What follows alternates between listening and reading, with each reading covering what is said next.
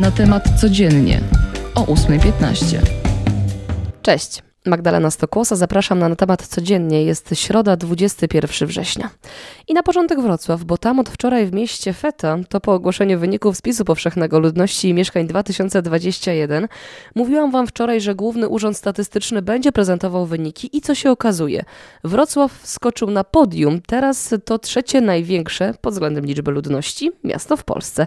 Na pierwszym miejscu bez zaskoczeń Warszawa, która też z rekordem przekroczyła milion 800 tysięcy mieszkańców, a Kraków zamieszkuje ponad 800 tysięcy osób, też więcej niż się spodziewano. Łódź natomiast spadła na czwarte miejsce, ze spadkiem też wiele mniejszych miast. Największym przegranym można powiedzieć jest Zabrze, w którym mniej jest o ponad 12,5 tysiąca osób i teraz liczba ludności wynosi 158 tysięcy. To spadek aż o 7,4%. Przechodzimy do polityki. Dziś Władimir Putin najprawdopodobniej wygłosi przełożone z wczoraj oświadczenie. Oficjalnie Kreml nie podał przyczyny odwołanego wczoraj wydarzenia. Nie ma też zapowiedzi, że przywódca Rosji będzie przemawiał dzisiaj, jednak cały świat czeka na jego słowa. W sieci aż wrze od spekulacji, a jak zapowiada prezydent Ukrainy Wołodymyr Zełenski, pozycja ukraińskich żołnierzy i cele nie zmienią się niezależnie od ogłoszeń z zagranicy. Nie zmieni się też wsparcie Polski dla Ukrainy, zapewniał o tym wczoraj podczas swojego przemówienia w debacie generalnej 77. sesji Zgromadzenia Ogólnego ONZ w Nowym Jorku Andrzej Duda. Prezydent podkreślił, że Rosja winna jest Ukrainie reparacje wojenne. Mówił o tym, że nie ma sprawiedliwości bez zadośćuczynienia, a Polska nie zaprzestanie działań zmierzających do pociągnięcia Rosji do odpowiedzialności za naruszenie prawa międzynarodowego. Mówił o tym, że dziś ofiarą jest Ukraina, jutro może nią być dowolne państwo świata i że nie wolno nam okazywać zmęczenia wojną. Dziś podczas debaty przemawiać będą Joe Biden i Wołodymyr Zełenski. Prezydent Ukrainy połączy się oczywiście online. Sportowo myślę, że warto o tym powiedzieć, bo piękny obrazek mieliśmy wczoraj na Stadionie Narodowym. Robert Lewandowski odebrał z rąk byłego reprezentanta i trenera Ukrainy Andrija Szewczenki opaskę kapitańską w barwach tego kraju. Ma ona być talizmanem podczas mundialu w Katarze i oczywiście wyrazem podziękowania od walczącej Ukrainy. Więcej o tym, jak i zdjęcia z tego wydarzenia znajdziecie na natemat.pl.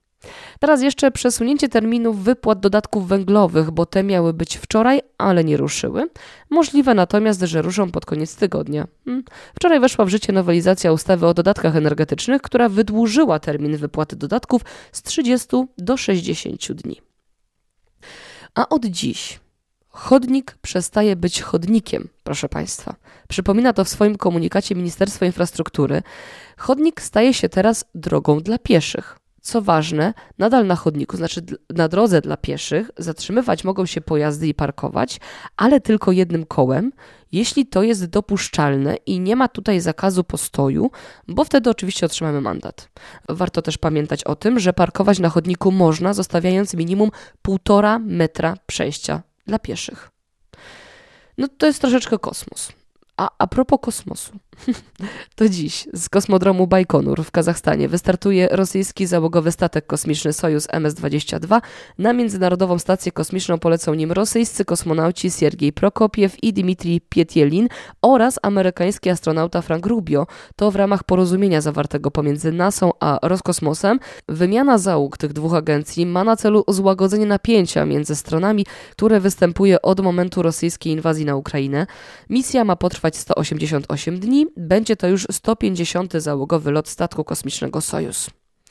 A jak już jesteśmy w powietrzu, to zapowiem Wam tylko, co się do nas zbliża. Zbliża się Stefan, wyż Stefan, który ma przynieść chłód, mróz, a właściwie przymrozki na terenie całego kraju, a także deszcz, ale też słońce w ciągu dnia, najbliższych dniach. Na koniec informacja, która może ucieszyć niejedną osobę. Naukowcy udowodnili, że wyczucie rytmu jest zapisane w naszych genach, a dokładnie w około 70 z nich. I nie mamy za bardzo na nie wpływu. Badacze przeanalizowali geny ponad 600 osób. Jak się okazuje, te, które odpowiadają za wyczucie rytmu, pełnią też inne różnorodne role, na przykład odpowiadają za rozwój mózgu, koordynację ruchową, chodzenie, oddychanie czy działanie rytmów dobowych. I tą informacją się dziś z Wami żegnam. Magdalena Stokłosa, dzięki. Do usłyszenia, cześć.